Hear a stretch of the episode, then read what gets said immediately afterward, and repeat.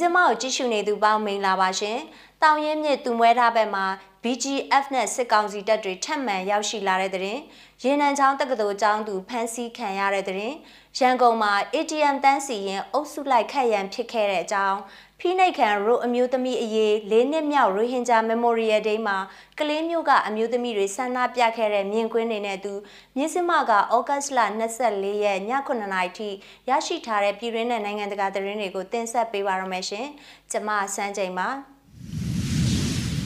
ကရင်ပြည်နယ်မဲသဝေါဒေသဒီကနေ့ဩဂတ်24ရက်နေ့မှာ BGF တွေထပ်ပြီးရောက်ရှိလာခဲ့ပါတယ်။ရောက်ရှိလာတဲ့ထဲကတဖွဲ့ဟာဆက်လေး6စီးနဲ့တောင်းရင်မြစ်သူမွဲထားမြစ်စုံနာကစစ်ကောင်စီတပ်စခန်းကိုဒီကနေ့မနက်9နာရီကျော်လောက်မှာရောက်ရှိလာတယ်လို့မျက်မြင်တွေ့သူတွေကဒေသအခြေဆိုင်တန်လွင် press တရင်ဌာနကိုပြောပြချက်ရသိရပါဗျ။နောက်တစ်ဖွဲ့ကလည်းသူမွဲထမြစ်စုံဘက်ကိုကုန်းချောင်းချီတက်သွားတာကိုတွေ့ရတယ်လို့ဆိုပါတယ်။ ဒါပြင်စစ်ကောင်စီတပ်ဖွဲ့တစ်ဖွဲ့ကလည်းခြေလင်းနဲ့ချီတက်လာပြီးနို့ရေးဆိုတဲ့နေရာဘက်ကိုဥတီပြီးသွားနေတယ်လို့ဒေသခံတချို့ကပြောပါတယ်။ စစ်ကောင်စီတပ်တွေနဲ့ BGF တပ်ဖွဲ့တွေစုစုပေါင်းအင်အား80ကျော်ပါတယ်လို့ဒေသခံတဦးကပြောပါတယ်။မကြသေးခင်ရက်ပိုင်းက BGF တပ်ဖွဲ့တချို့ဟာမဲသဝေါ်ရွာကိုရောက်လာပြီးတောင်ရင်မြစ်ဝအောက်ဘက်မှာရှိတဲ့တန်လွင်မြစ်ကမ်းကမဲလထဆိုတဲ့နေရာမှာကူးသွားပြီးတပ်မဟာ9နယ်မြေဘက်ကိုတွားခဲ့တယ်လို့ဒေသခံတချို့ကပြောပါတယ်။သူတို့ဆင်းသွားပြီးမကြခင်မှာပဲ KNU တပ်မဟာ9တပ်ဖွဲ့တွေနဲ့တိုက်ပွဲဖြစ်ပွားခဲ့ပါတယ်။ မကွေးတိုင်းဒေသကြီးရင်းနှံချောင်းမြို့မြို့မမြောက်ရက်ကွက်မှာနေတဲ့အသက်19နှစ်ရွယ်တက္ကသိုလ်ကျောင်းသူမဆုပြည့်အောင်ကိုဒီကနေ့မနက်ပိုင်းမှာအယဝတ်နဲ့ရဲတွေကဖမ်းဆီးသွားပါတယ်။ဓာတုပေတာဒုတိယနှစ်ကျောင်းသူမဆုပြည့်အောင်ကိုအယဝတ်နဲ့ရဲတွေကအိမ်မှာလာဖမ်းသွားတယ်လို့ရင်းနှံချောင်းကျောင်းသားသမဂ္ဂရဲ့ပြန်ကြားရေးတာဝန်ခံကမြစ်စမကိုပြောပါရယ်။ရင်းနှံချောင်းမြို့မှာဧပြီလတွင်ကလည်းရင်းနှံချောင်းကျောင်းသားသမဂ္ဂမှ ဒုဥက္ကဋ္ဌမဇွန်သိန်းကြည်တတိယနဲ့တင်ချမေဂျာကျောင်းသူကိုဖြိုးဝေတဲ့တတိယနဲ့ယူပဗေဒကျောင်းသားနဲ့အရက်သားတဦးဖြစ်သူမမြင့်မြတ်တော်တို့၃ဦးဖမ်းဆီးခံခဲ့ရပါတယ်။သူတို့တွေကကျောင်းမတက်နဲ့ကျောင်းပြက်လှုပ်ရှားမှုမှာပါလို့ဖမ်းခံရတာဖြစ်ပါတယ်။ဒီကနေ့မနက်ပိုင်းမှာလဲရင်းနှန်းချောင်းမြို့စီပင်ရုံးဝင်းထဲမှာဘုံပေါက်ကွဲမှုဖြစ်ခဲ့ပါတယ်။လူထိခိုက်မှုတော့မရှိဘူးလို့သိရပါတယ်။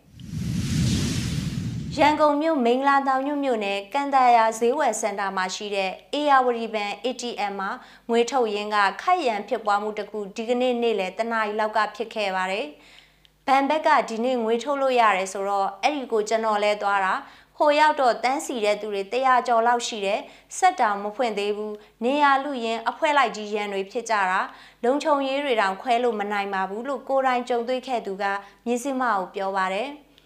လူမှုကွန်ရက်စာမျက်နှာမှာပြန့်နှံ့နေတဲ့ရုပ်သံဖိုင်မှာတစ်ဖက်နဲ့တစ်ဖက်ထီးတွေနဲ့ရိုက်နှက်ပြီးအပြန်အလှန်အော်ဟစ်ပြောဆိုတန်တွေကိုကြားရပါတယ်။နောက်ပိုင်းမှာစစ်ကောင်စီလက်အောက်ခံရဲတွေရောက်လာခဲ့ပေမဲ့ဖမ်းဆီးခံရမှုရှိမရှိကိုတော့မသိရပါဘူး။ အေယာဝတီဘဏ်ကခတ်ရန်ဖြစ်ပွားခဲ့တဲ့ခဏကို ATM ငွေထုတ်မှုခဏထိမ့်သိမ်းခဲ့ပြီးနောက်ပိုင်းမှာတော့ပြန်လည်ဖွင့်ပေးခဲ့တယ်လို့သိရပါတယ်။စစ်အာဏာသိမ်းတဲ့နောက်ပိုင်းမှာစစ်ကောင်စီဘက်ကဘဏ်တွေကိုထိန်းချုပ်လာပြီးပြည်သူတွေအနေနဲ့မိမိတို့ငွေကြေးကို ထုတ်ယူဖို့အချိန်ကြာမြင့်စွာတန်းစီစောင့်ဆိုင်နေရတာပြင်အကန့်အသတ်နဲ့သာထုတ်ယူခွင့်ရတော့တာဖြစ်ပါတယ်။ ATM တွေမှာခက်ရန်ဖြစ်ပွားတာတန်းစီစောင့်ဆိုင်နေတဲ့ပြည်သူတွေကိုတနက်ဖောက်လူစုခွဲမှုတွေဟာမကြာခဏဆိုသလိုကြားနေရတဲ့သတင်းတွေလည်းဖြစ်ပါတယ်။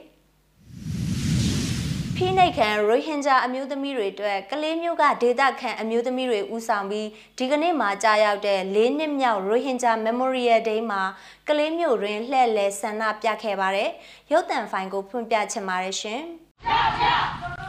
ပြပြအာရမီအာရမီအာရမီအာရမီအာမောအာရမီအာရမီအာရမီအာမောအာရမီလောက်နေတာကအိမ်ထဲမှာလောက်နေတာကအိမ်ထဲမှာအိမ်ထဲမှာလောက်နေခြင်း ဒီမိုကရေစီမမြောက်လေးနဲ့ဆက်လက်ပြီးနိုင်ငံတကာသတင်းတပုတ်ကိုတင်ဆက်ပေးချင်ပါတယ်။ ကိုရိုနာဗိုင်းရပ်စ်ကာကွယ်ဆေးထိုးနှံဖို့ပါလက်စတိုင်းပြည်သူတွေကိုစီးရုံးလှုံ့ဆော်နိုင်အောင်ရည်ရွယ်ချက်နဲ့အစ္စလာမစ်ဟာမတ်စ်အုပ်ချုပ်ရာဂါဇာဒေသကအာဏာပိုင်တွေဟာအမေရိကန်ဒေါ်လာ3000စုကြေးရှိအောင်ပါလီထီမဲကိုတင်းနှင်းလာနေမှာစတင်ဖွင့်လှစ်လိုက်ပါတယ်။လူဦးရေ2တန်းနီးပါးရှိတဲ့ဂါဇာတောင်ကြားဒေသမှာမကြသေးတဲ့ရက်ပိုင်းတွေက COVID-19 ကူးစက်ဖြစ်ပွားမှုမြင့်တက်တာနဲ့ကြုံတွေ့နေရတာပါ လက်ရှိထိဂါဇာပြည်သူ33500နီးပါးဟာအပြည့်အဝကာကွယ်ဆေးထိုးနှံပြီးဖြစ်ပါတယ်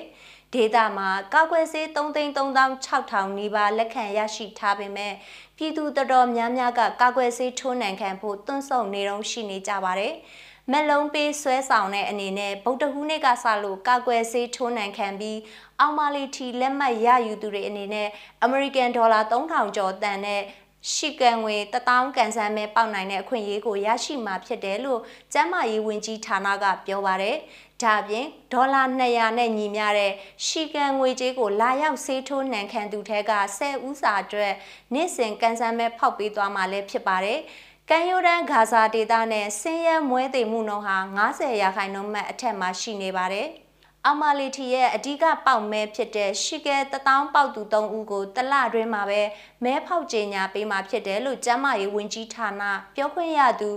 S Sharaf Al Qudra ကပြောပါတယ်